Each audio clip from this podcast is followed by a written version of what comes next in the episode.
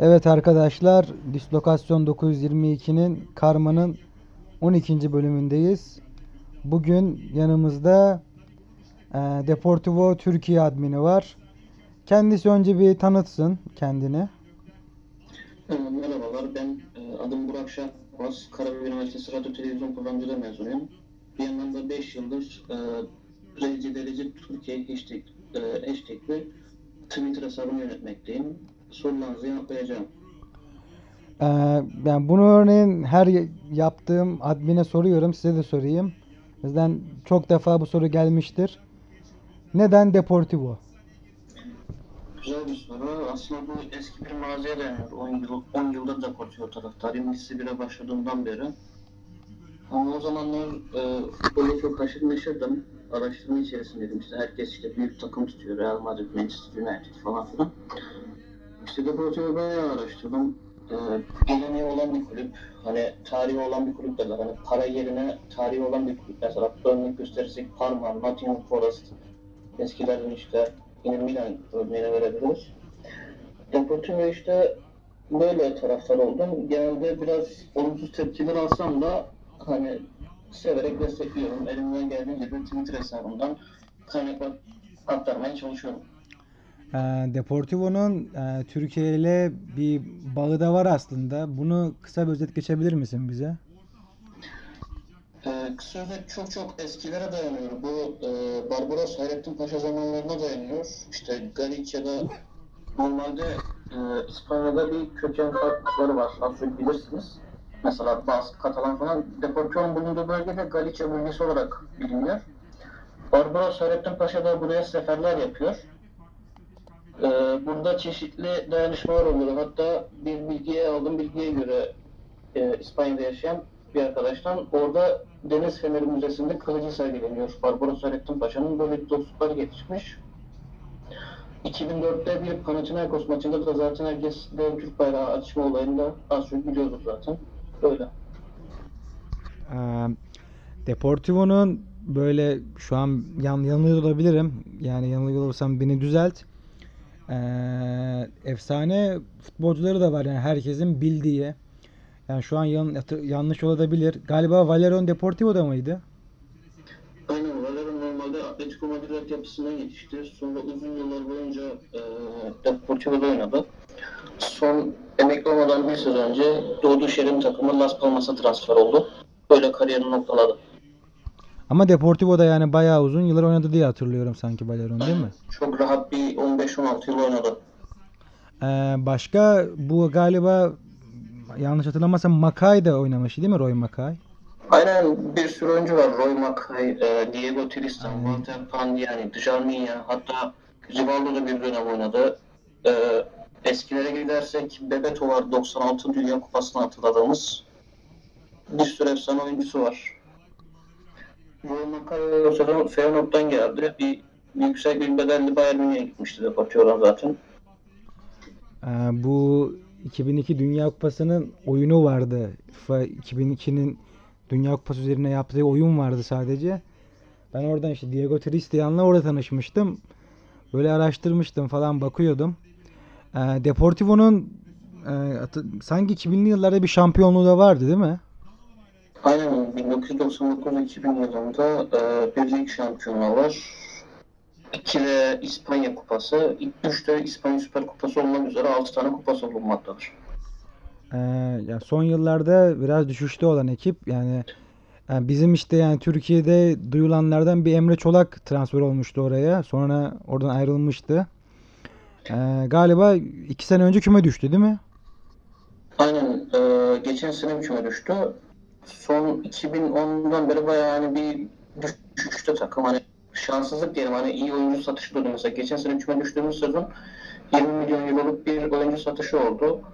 Ayrı bir parantez açarsak Emre Çolak da zaten takımda oynayan ilk Türk oyuncu. Hem Türk oyuncu olmasından hem de sanırsam e, bir 5 gol 8 asistlik önemli bir performans sergiledi. Taraftarın sevgilisiyle düştüğü için Arabistan Ligi'ne gitti. Taraftarlar da onu çok seviyordu. Ee, e, yanlış hatırlamıyorsam kim Deportivo'yu bazen şeyle karıştırıyorum ben. Real Soc- Sociedad'la karıştırıyorum. Xavi Puerto Sociedad'da mıydı, Deportivo'da mıydı? Xavi Prieto Sociedad'daydı. Ha, doğru Sociedad'daydı. İkisinin karıştırıyorum renkleri falan benziyor diye. Ee, bu Sociedad bas takımıydı değil mi? Aynen Sociedad bas takımı Eibar, e, Alaves ve Atletik Bilbao ile birlikte. Ee, peki bunu Deportivo özelinden sorayım. Ee, Deportivo işte bu sene üst lige çıkamadı. Ee, Deportivo'nun yakın zamanda La Liga'ya geri dönebileceğini düşünüyor musun? Normalde geçen sene hatta bu sene playoff finali oynadık. Büyük bir facia oldu. Ee, 2-0 ilk maçta şeyi yendik. Mallorca'yı yendik. Son maçta bir facia oldu işte 3-0 oldu. Şimdi transferler oluyor. 2-3 oyuncu ayrıldı. Yeni oyuncular geldi. En kötü yine playoff yapacağımı düşünüyorum. Bir forvet eksiğimiz var. Onu da doldurursak bence yapabiliriz yani. Ee, peki şu an bir yapılmış ya da yapılacak bir transfer var mı? Ya da bir, büyük bir beklenti oluşturacak bir transfer var mı? Beklenti oluşturacak transfer yok da öncelikle bu bahsettiğim e, altyapıdan Eduardo Exposito Eibar'a gitti 4 milyon euro bedelle. E, Quique Gonzalez takımın gol kralı o da Eibar'a gitti. Tenerife'de oynayan en son bonservisi Getafe'de olan e, Gako Ibakasi diye bir Japon geldi. E, AEK Atina'dan Vasilis Lampopoulos geldi. Bir de e, Kadiz'de oynayan bonservisi şeyde olan Atletik Bilbao'da olan Abel Aksete geldi. Şimdilik 3 transfer oldu. Ee, ama Gidenlerde biraz sanki şey var gibi yani büyük bir yara var gibi gidenlerde. Aynen hani Exposito merkez orta saha, orta sahayı toparlayan bir isim. Quique Gonzalez de takımın gol yükünü çekiyor. Yani gitmeleri cidden e, kötü oldu. Şu anda forvet bulunmuyor takımda. Bir Christian Santos vardı. Tam santrafor özellikle. O da takımdan ayrıldı. Şu anda takımda forvet bulunmuyor. Ee, Ben buradan bir La Liga'ya geçiş yapayım. Ee, Son bir iki gündür e, Griezmann haberleri işte ortaya çıktı. Hatta Griezmann'a 7 numaralı forma da verildi. Yani Griezmann transferi nasıl yorumluyorsun? Griezmann Atletico Madrid ve Barcelona arasında da yani bir takım münakaşalar var. Bunlar hakkında bize ne söyleyebilirsin? E, Duyduğuma göre 120 milyon euro bedelle gitmişti. Atletico Madrid 200 milyon euro olduğunu iddia ediyor. Açıkçası ben Griezmann'ın Atletico Madrid'de kalma taraftarıydım. Hani forvet dedim akla gelen ilk takım Atletico Madrid'dir. Bütün forvet e, oyuncularını parlatan Diego Forlan, Agüero, Torres, Diego Costa, Mandzukic gibi. E, şimdi normalde Griezmann forvet pozisyonunda oynuyordu. Tam santrafor özellikle. Barcelona'ya gittiğimde sol forvet oynar, sağ forvet oynar. Hani açıkçası bir Arda Turan vakası olmamasını biliyorum kendisi açısından. Yani ben örneğin kendi görüşüme göre Barcelona'da istenileni yapamayacağını düşünüyorum Griezmann'ın. Yani Bar yani Barcelona'nın oyun stiline çok uyduğunu da düşünmüyorum yani Griezmann'ın. Hele Suarez varken yani zaten o, o görevi Suarez yapıyor. Belki Suarez'den sonrası için düşünülmüş bir transfer ama aynı zamanda boşa gitmiş Coutinho ve eee Dembele transferleri de vardı geçmişte yapılan. Şimdi Coutinho'nun forması da Griezmann'a verildi. Eee Coutinho sence yolcu mu? Şimdi bir transfer iddiaları var Neymar'ı alacak yani Griezmann aldın niye Neymar'ı alıyorsun? Hatta Coutinho transfer içinde 130 milyon Umtiti, Dembele bir de Coutinho. Barcelona almışsa e, ileri tarihli için bir transfer olabilir bu Griezmann için. Mesela Messi 30 yaşını aştı. E, Suarez 30 yaşını aştı. Şimdi bahsettiğimiz oyuncular Dembele genelde sağ veya sol açık oyuncusu. Coutinho forvet arkası, merkez orta saha oyuncusu. Ee, belki de Barcelona geleceği düşünerek almıştır Griezmann. Hani şimdi farklı bir rol verebilir. Diğer Messi ile şeyin e, Suarez'in ayrılmasından sonra tam santrafora geçebilir diye düşünüyorum. Ama açıkçası e, Griezmann için bir kapalı kutu Barcelona. Eee, peki Real Madrid'in bu sene Barcelona'ya karşı bir mücadele içine girebileceğini düşünüyor musun? Yoksa Atletico Madrid de bu sene hamleler yaptı. Atletico Madrid'de bayağı bir kadro değişti. Önümüzdeki sene La Liga'nın durumunu ne olarak görüyorsun? E, klasik 3 takım arasında geçer. İşte Barcelona, Real Madrid, Atletico Madrid. Atletico Madrid çok iyi oyuncu satışı yaptı. Yaklaşık bir 270 milyon euro. Rodri'yi sattı, Griezmann'ı sattı. Hatırlayamadığım da bir oyuncuyu sattı. Yerine Joao Felix aldılar. Felix de açıkçası hani üstüne belki bu 127 milyon euroluk bir bonservis üstüne baskı oluşturabilir ama Simeone'nin elinde e, ne yapacağı soru işareti. Hani dediğimiz gibi Atletico Madrid bir e, forvet transferleri için, forvet oyuncular için iyi bir takım ama hani genç yaşına rağmen bu bonservis bedelleri biraz sorgulatır. Ama lig mücadelesinde Real Madrid'e baktığımızda iyi transferler yaptılar. Luka Jovic bu sene Eintracht Frankfurt'ta çok iyi mücadele etti, çok iyi maçlar çıkardı. Keza Hazard'ı transfer ettiler. Ee, Yine Real Madrid'in de yarış içinde olacağını düşünüyorum. Benzema eski formuna kav- kavuşur. Hazard da bence Ronaldo'nun yerini doldurabilecek kapasitede 3 takım arasında geçer diye düşünüyorum. Ya ben bu sene ben bir Real Madrid taraftarıyım ama bu sene Barcelona'nın gene yani ligi önde bitireceğini düşünüyorum. Atletico Madrid'de yani çok git gel oldu. İşte Godin gitti. Yerine işte Porto'dan Felipe geldi. Ama Felix'in ben Griezmann'ın boşluğunu doldurabileceğini düşünmüyorum ki Griezmann'ı beğenmeyen biri olarak. Yani Griezmann bana Real Sociedad'dayken daha heyecan verici bir oyuncuydu. Biraz Simeone'nin elindeyken biraz da tek yani son vuruş, gole yönelik bir oyuncu oldu. Biraz daha duran gibi olduğunu düşünüyorum yani. Sen ne düşünüyorsun?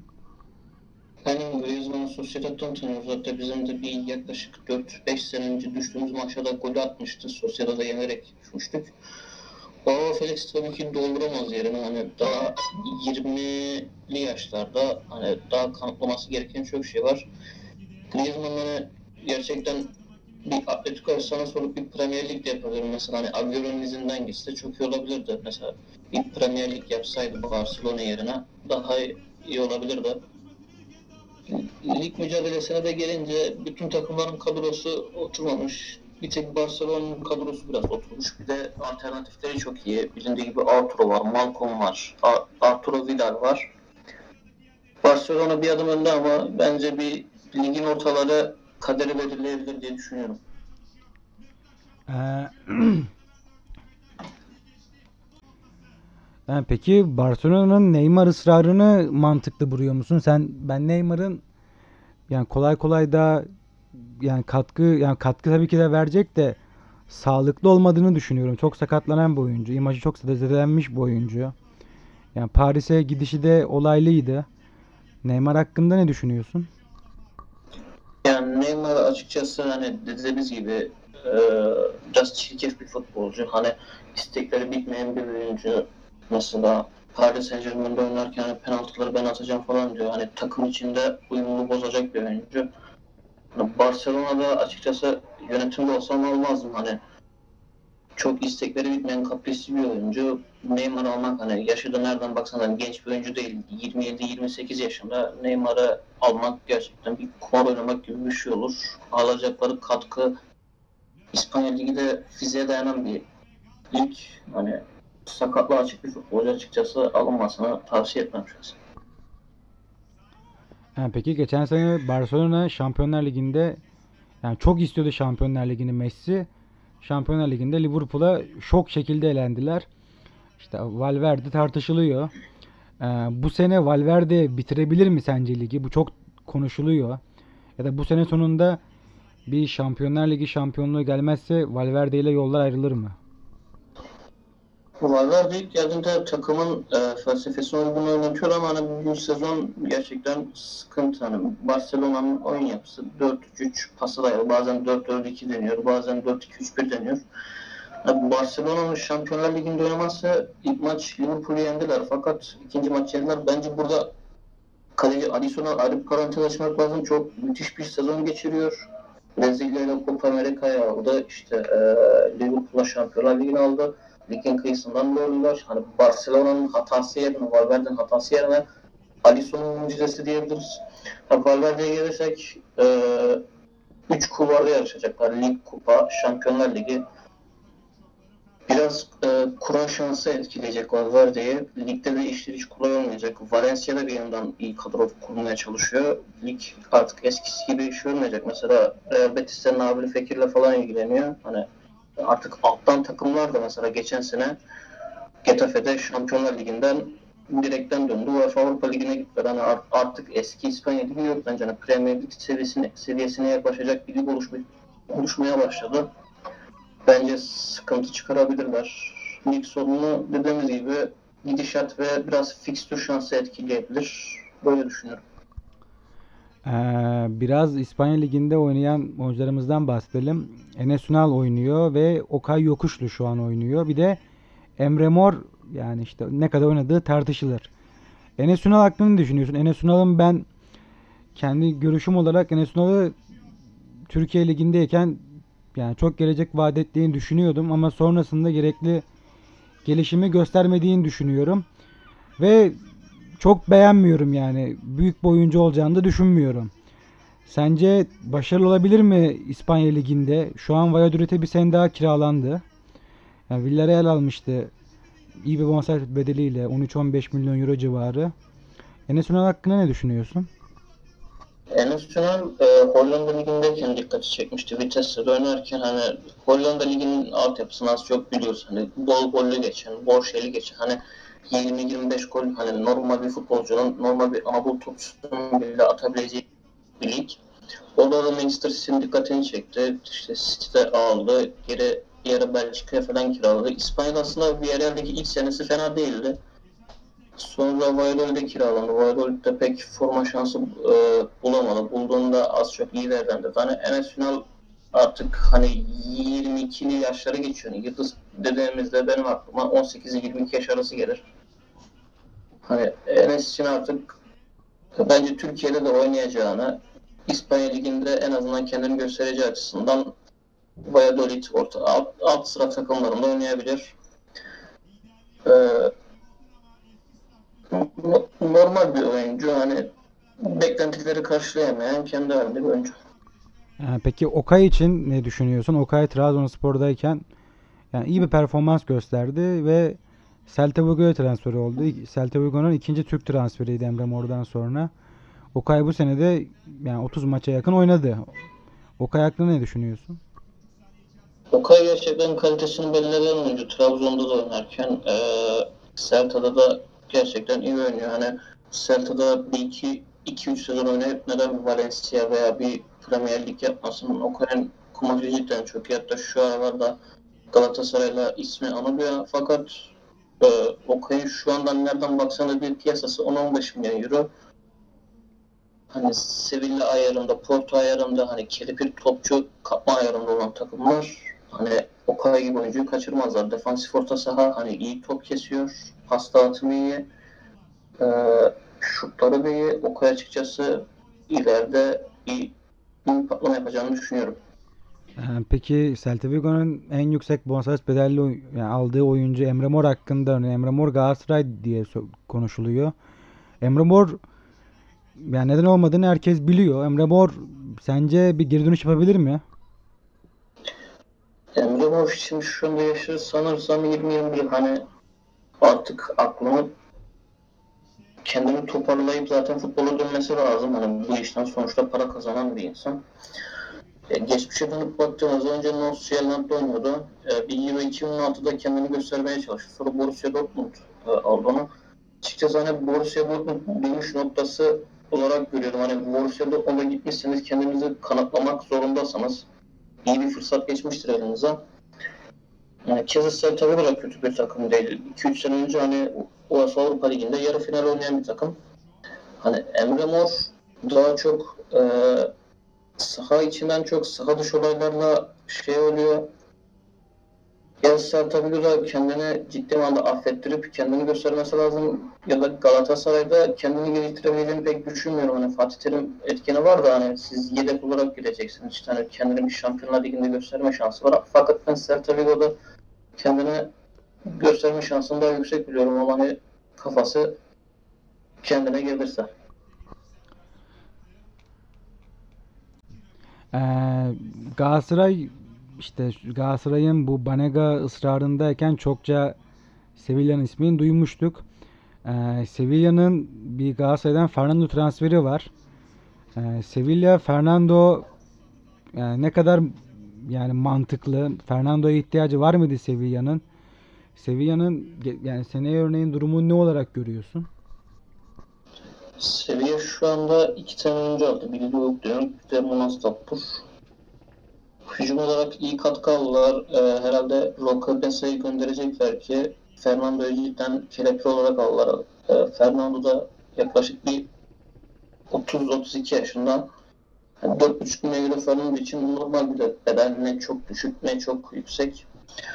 Banaga'ya gelirsek Galatasaray için hani e, bir Banega çok yönlü bir oyuncu. Daha önce e, Valencia ve Atletico Madrid'de de oynamıştı. Hem 8 numara oynayabilen hem de 10 numara oynayabilen bir oyuncu. Yetenekli bir oyuncu. Açıkçası Galatasaray hani 30-31 yaşlarında Banega da açıkçası kapalı kutu. Elinizde Belhanda var. İşte 8 numarayı düşünebilirler. Şu anda Galatasaray'ın elinde 8 numara olarak libero olarak bir Donk ve Fer- e, Selçuk kaldı. Yine de alırlarsa Galatasaray için iyi bir transfer olacağını düşünüyorum.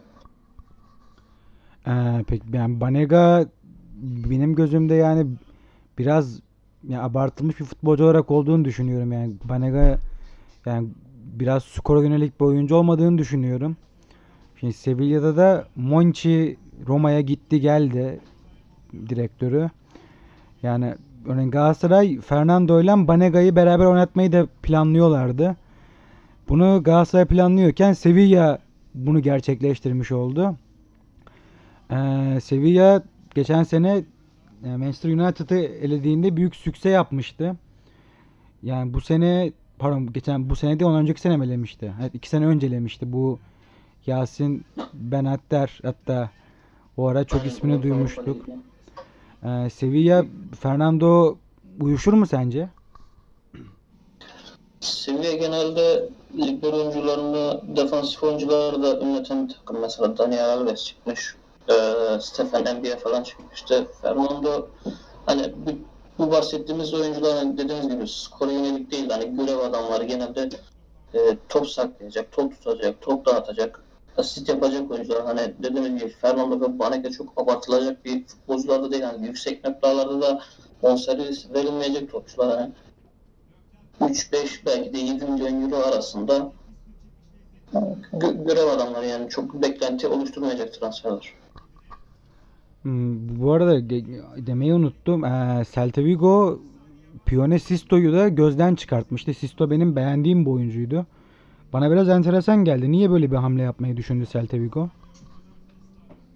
Açıkçası ben de sizden ilk defa duydum. Sisto iyi bir oyuncu. Danimarkalıydı herhalde. Danimarka milli takımında da oynuyordu. Sisto belki de başka bir e, oyuncu alacaklar. Maxi Gomez de Valencia'ya göndermişler. Belki de bir küçülme hamlesi falan da gelebilir. Bir de Maxi Gomez de 14,5 milyon euro gibi bedelle gitmiş.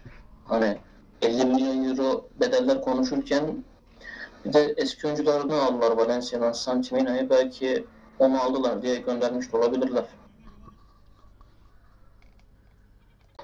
Ee, İspanya milli takımında işte Luis Enrique görevini bırakmıştı geçen ay. Yani İspanya milli takımında işte işte Lopetegui'den sonra pardon Lopetegui'den önce şey Del Bosque'den sonra Lopetegui geldi. Sonra Real Madrid'le anlaşınca Dünya Kupası başlamadan Lopetegui'ye yollamışlardı. Yerine Hierro gelmişti. Hierro'dan sonra da Luis Enrique geldi ve Luis Enrique de yani bir iki kere bazı maçlara çıkamamıştı. Ailevi problemlerden dolayı ve geçen ay içinde komple milli takım görevini bıraktı. İsmail milli takımını geleceğe ne olarak görüyorsun? O jenerasyon bitti mi? Bir daha yapılanma olur mu? Gelecekte bir başarı çıkar mı İspanya Ligi'nden? Evet, İspanya herhalde en son bir U20 mi U19 Dünya Kupası'nda mı ne şampiyon olmuştu. Şampiyon mu olmuştu falan tam hatırlamıyorum. Yani İspanya dediğimiz ülke yani cidden futbolcu fabrikası bir ülke. Hani ben o jenerasyon tekrar geleceğini düşünüyorum. İşte eee iyi oyuncuları var. Kepa, eee Dani Ceballos, işte Atletik Bilbao'dan bazı oyuncular var. Sociedad'dan yer Al- Alvarez işte. Çok ismini duymasak da kendi liglerinde oynayan iyi oyuncuları var. Luis Enrique meselesine gelirsek bir Twitter'da bir haber görmüştüm. Mesela Sinisa Mihailovic'in e, hastalığını, kanser hastalığını bir arkadaş açıklıyor. Mesela normalde Mart ayında ayrılmıştı Luis Enrique. Ailevi se- sebeplere dayanıyormuş. İşte non, e, basından gizlendiği için daha yeni açıklanmış. Ama İspanya'nın düzeleceğini düşünüyorum. İyi bir futbolcu şeyi var. Futbolcu havuzu var İspanya'da. Kendi liglerindeki oyuncularla açıkçası yine tekrar iskelet kadroyu kurabilirler. Aha, Evet, İspanya ve İspanya Ligi hakkında bir özet geçtik. Çok teşekkür ediyorum sana İspanya bu yayına katıldığın için. Ee, teşekkür ederim. Evet arkadaşlar bugünkü yayınımızın sonuna geldik. Ee, Deportivo Türkiye'yi hesabını takip edin. Gerçekten yani bir milliyetçilik duygunuz varsa ki herkesin biraz olduğunu düşünüyorum her Türk vatandaşın ve tarihe ilgi duyanınız varsa Deportivo cidden futbol ve tarih için yani takip edilmesi gereken bir takım. Çok teşekkür ediyorum sana. Ben teşekkür ederim. Bir sonraki yayınlarınız için de kolaylıklar diliyorum. Bol şanslar.